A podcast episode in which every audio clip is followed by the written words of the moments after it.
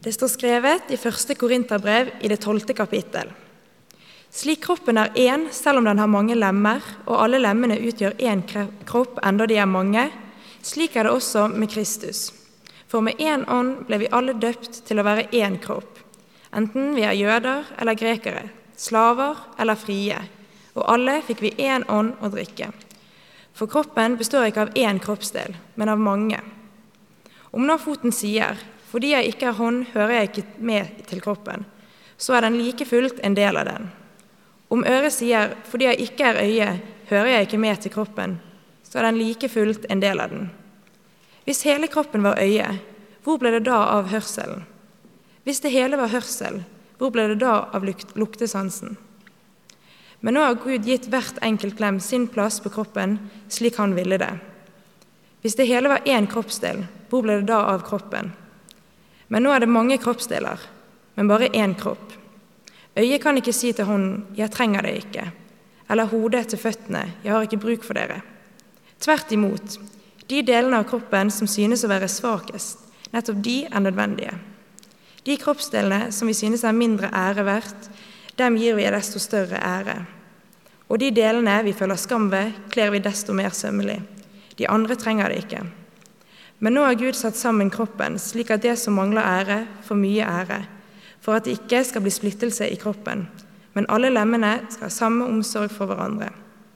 For om ett lem lider, lider alle de andre med, og om ett lem blir hedret, gleder alle de andre seg. Dere er Kristi kropp, og hver av dere et lem på ham. Slik lyder Herrens ord. Nå bevegde jeg meg litt fram. Ser dere meg fortsatt oppe på galleriet? Litt sånn halvveis. Det får holde. Da jeg var 16, så sleit jeg med å lande helt i kirka. I konfirmasjonstida så eh, hadde jeg vel egentlig landa på dette at dette ville jeg tro på. Jeg, jeg ville være kristen. Men gudstjeneste var liksom ikke helt for meg. Jeg syntes musikken var litt treig. Jeg sleit med å koble de der fancy teologiske orda til livet mitt. Jeg så ikke helt hvordan det var relevant. Så fikk jeg et spørsmål fra en som var dirigent i TenSing. Um, TenSing det er liksom musikk, dans, drama i kirka for ungdom. Og denne dirigenten spurte eh, du, vi trenger en bandleder. Kunne du tenke deg? Uh, ja, mm, jeg dro litt på det. Og da sa de ja, men vi kan til og med ta med en Coldplay-låt hvis du blir med. Eh, begynte selvfølgelig å friste mye mer umiddelbart. Eh, men, men jeg kan ikke spille noe instrument. Det går fint. Da spiller du trommer. Så. Ja, no offense, Christian. Eh. ja, men helt seriøst. Eh, Og, og sånn ble det. Plutselig så satt jeg i, i kirka og prøvde å henge med på Talk av Coplay. Coplay, mitt favorittband. Det var, det var veldig stort. Um, for der fikk jeg være en del av fellesskapet, og jeg fant liksom litt min plass i kirka. Hva er ung kirke? Altså kirke med unge i dag. Hvordan kan troa bety noe for unge? Det er liksom disse spørsmålene som driver og dirrer egentlig i fundamentet av Sankt Jakob. Og litt For å svare på dette så har vi i St. Jakob lagd en visjon. Vi sier at i St. Jakob så sier vi at vi bygger fellesskap, vi skaper kultur, og vi søker Gud. Hver gang vi har lyst til å gjøre noe nytt, så prøver vi det på disse tre setningene. Fordi vi tror at hvis vi klarer å gjøre de tingene der, så oppdager vi noe mer av hva det er å være ung kirke midt i Bergen by i dag. Og nå har vi nettopp lest en tekst, eller vi har hørt en tekst lest hvor Paulus han var en av de første som reiste rundt og fortalte om Jesus. Han skriver en tekst hvor han sier hvordan det kristne fellesskapet er bygd opp. Han sier hvordan, hvilken kultur som skal prege kirka. Og Så sier han noe om at når fellesskap bygges og den kulturen skapes, da ser vi spor av Gud, glimt av Gud i det. Han skriver veldig bra. Og Derfor har jeg lyst til å løfte fram liksom fire ting fra denne teksten som jeg synes er spesielt spennende. Det første med én ånd ble vi alle døpt til å være én kropp. Nå har Gud gitt hvert enkelt lem, altså kroppsdel, nå har Gud gitt hver enkelt kroppsdel sin plass på kroppen slik han ville det. Noen tror, kanskje litt sånn som jeg gjorde, at for å passe inn i kirka, så må du, før du går inn den døra der, så må du liksom legge fra deg det som er spesielt med deg. Du må legge fra deg dine interesser, dine særegenheter på utsida, og så kan du liksom trå inn i det hellige. For her inne i kirka er det liksom bare det eksplisitt kristne som hører hjemme. Det er feil. Du hører til med alt det som er deg. Det du bryr deg om, det bryr vi oss om. Dine interesser, dine talenter, dine feil. Det finnes ikke en ting dette rommet, dette fellesskapet, skal kunne romme. Fordi vi er alle sammen skapt, ønska, elska av Gud. Og det er Gud denne kirka er bygga på. Ja, her er det ikke bare rom for oss, det er bruk for oss. Og Det er akkurat dette jeg fikk oppleve. Det er derfor jeg forteller om når jeg starta i TenSing. Jeg fikk oppleve hvordan det var når kirka plutselig hadde rom for det jeg brydde meg om. Det var vanvittig verdifullt. Og jeg fikk oppleve hvorfor bandet er det perfekte kirkeinstrument. Altså Orgel er fint, det, altså. Men og det er En ting som er vanvittig praktisk med orgel, er at du kan ha én person, ikke sant? og så kan han lage alle verdens lyder. Du trenger ikke noen andre. Men det er jo egentlig det helt motsatte av hva Paulus beskriver at det kristne fellesskapet er. Det kristne fellesskapet er et band hvor alle må spille sitt instrument.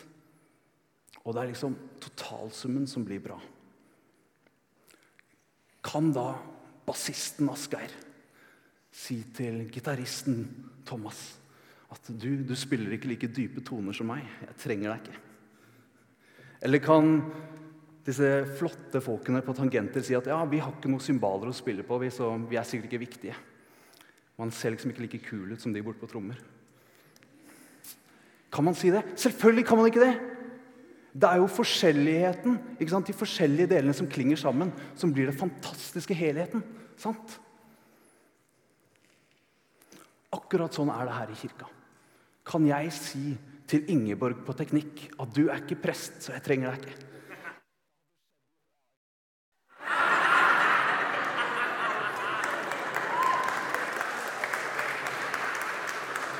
Så, så fort går det. Det er komboen som er bra. Hører dere meg? Ja, dere hører meg. Takk for det, Ingeborg.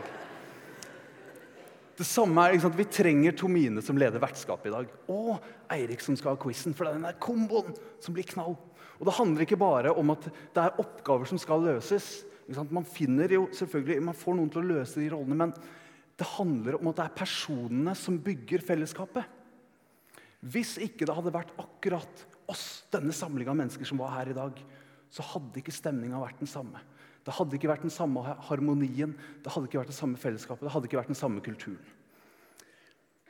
Så denne første lærdommen fra Paulus den sier til oss ikke strekk deg etter å være noen andre. Du trengs, for du har din rolle med alt det som er deg. Ingen kan spille din notelinje, den som du har fått av den Gud som har skapt deg. Ok, Punkt nummer to. De delene av kroppen som synes å være svakest, nettopp de er nødvendige.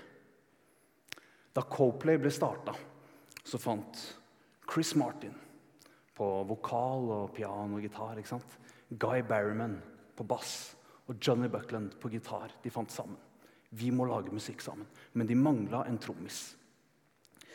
Så de fikk en fyr eh, som de hadde, liksom, de hadde en kompis som het Will. og han, hadde, han bodde sammen med en fyr som spilte trommer. Så de fikk låne det trommesettet, og skulle han komme og spille trommer. han som bodde sammen med Will. Men så dukka han ikke opp. Og Da sier han her kompisen deres, Will Han kunne spille piano og gitar, kunne ikke spille trommer. Han sa, 'Jeg kan prøve. Jeg kan, jeg kan hjelpe dere.' Så prøvde de det, og idet de hørte Will prøve seg litt på trommer, så tenkte de, 'Det er deg vi trenger'. Sånn ble Will Champion det fjerde medlemmet, trommisen i Coplay. Så har de spilt inn litt demo, de spiller inn konserter, så blir de signa og skal spille inn sin første plate. Og Når de spiller inn plate i studio, da blir det fort tydelig at Will sin manglende erfaring på trommer er et problem. Han har ganske dårlig trommeteknikk. Så de andre føler at han holder de tilbake. Vi har egentlig lyst til å gjøre noen litt mer fancy ting, men vi får det ikke til. Og I tillegg så stilte Will en del sånn kritiske spørsmål som de syntes var irriterende. De kasta han ut. Så hadde de audition med flinkere trommiser, og de prøvde å jobbe videre. Men noe hadde skjedd. Kjemien var borte. Magien var liksom ikke der lenger. De klarte ikke lage god musikk lenger. Til slutt så måtte de bare innse nederlaget. De tre måtte gå og tigge Will om kan du bare please komme tilbake. Sorry. Heldigvis sa Will Champion ja. Og vi har fått de ni albumene vi har fått nå av Coldplay. Mange legendariske låter. Will blir kalt av de andre i bandet for ankeret. Vi klarer oss ikke uten Will.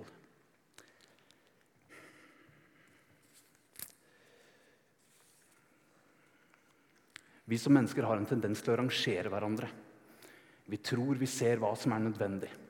Vi tror vi ser hvem som er den sterke, og hvem som er den svake. Men var det én ting Jesus viste oss med måten han møtte mennesker på, så er det at vi har ikke peiling på hva vi holder på med når vi driver og rangerer mennesker.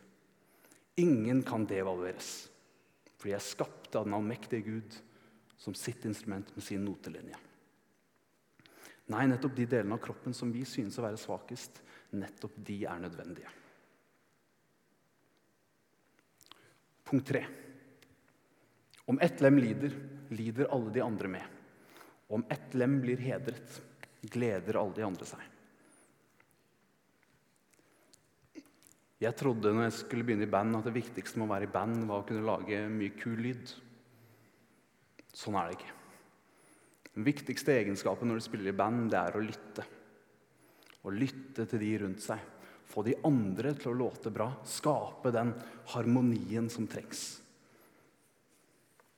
I et fellesskap er samspillet alltid nøkkelen. Og det starter med lytting. Vi må lytte oss inn på hverandre på hverandres liv, hva som er våre gleder og sorger. Og så må vi lytte oss inn på verden som vi er en del av. Kan vi bety noe for noen andre? Hva trengs? Det handler om at ingen av oss er skapt som soloartister. Vi låter faktisk best sammen. Om ett lem blir hedret, så gleder alle de andre seg.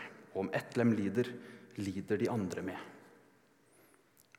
Noe av det jeg elsker med St. Jakob, er at vi ligger midt i byen.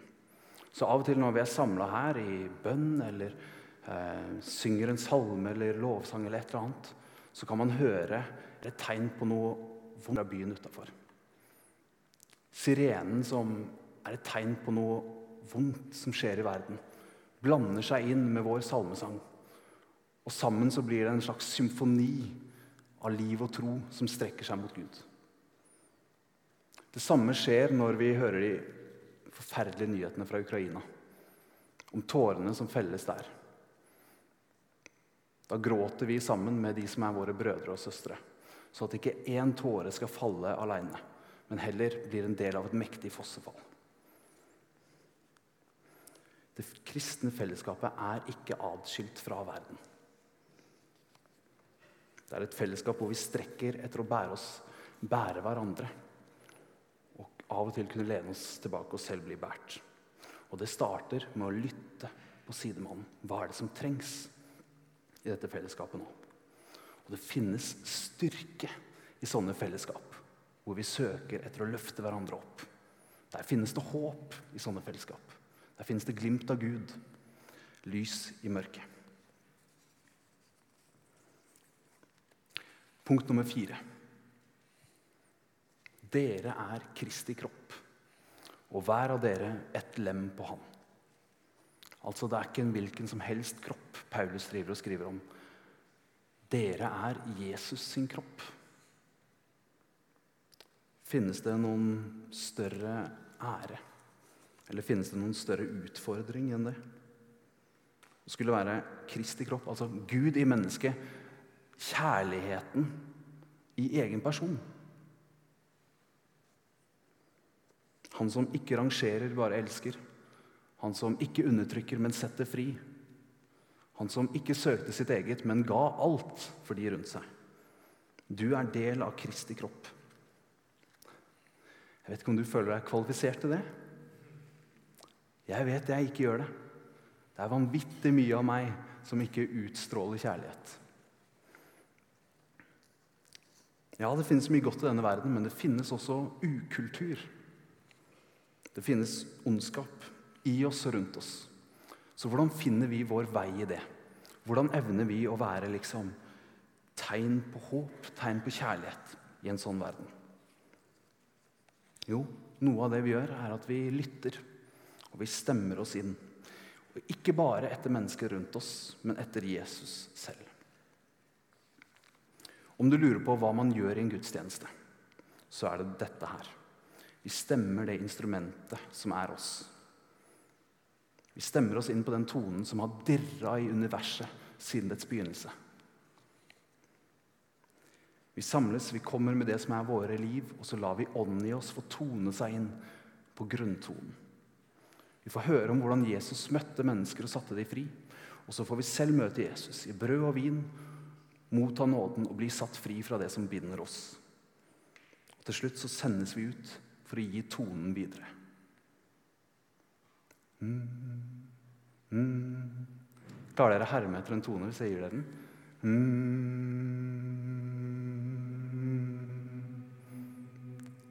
Fint. Kan vi få en G? En, ja, eller det vi starter på. Hva er det for noe? En A? Vi tar en A, dere. Mm. Kan dere bare holde den? Mm. Dere klarer det? Skal vi gi dem en annen? Mm. Og så en til de der oppe.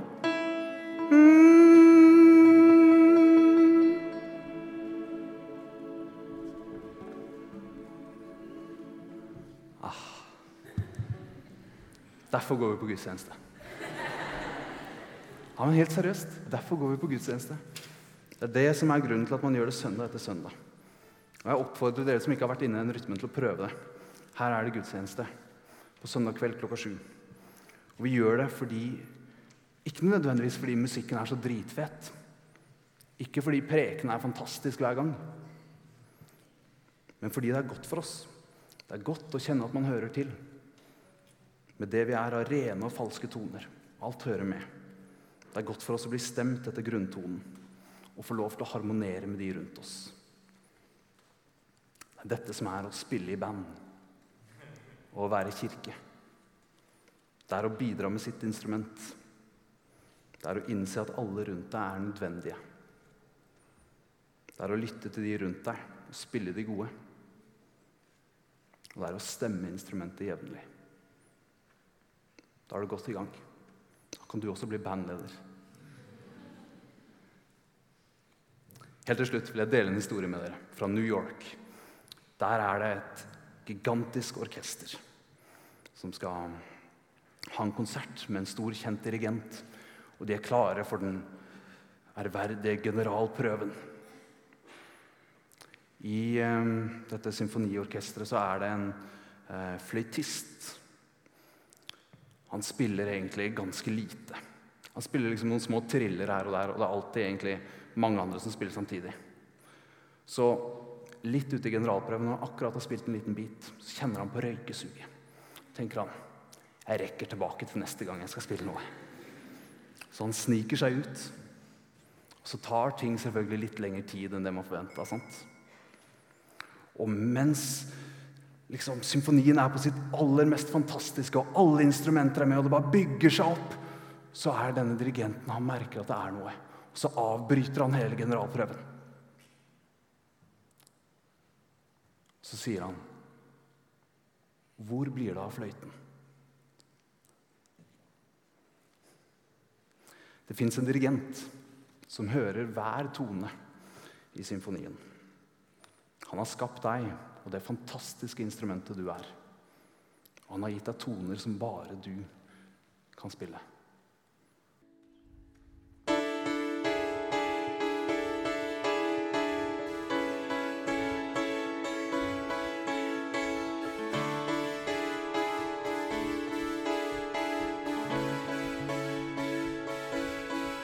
I turn the music up, I got my records on. I shut the world outside until the lights come on. Maybe the streets are light, maybe the trees are gone. I feel my heart start beating to my favorite song. And all the kids they dance, all the kids all night until Monday morning feels another life. I turn the music up, I'm on a roll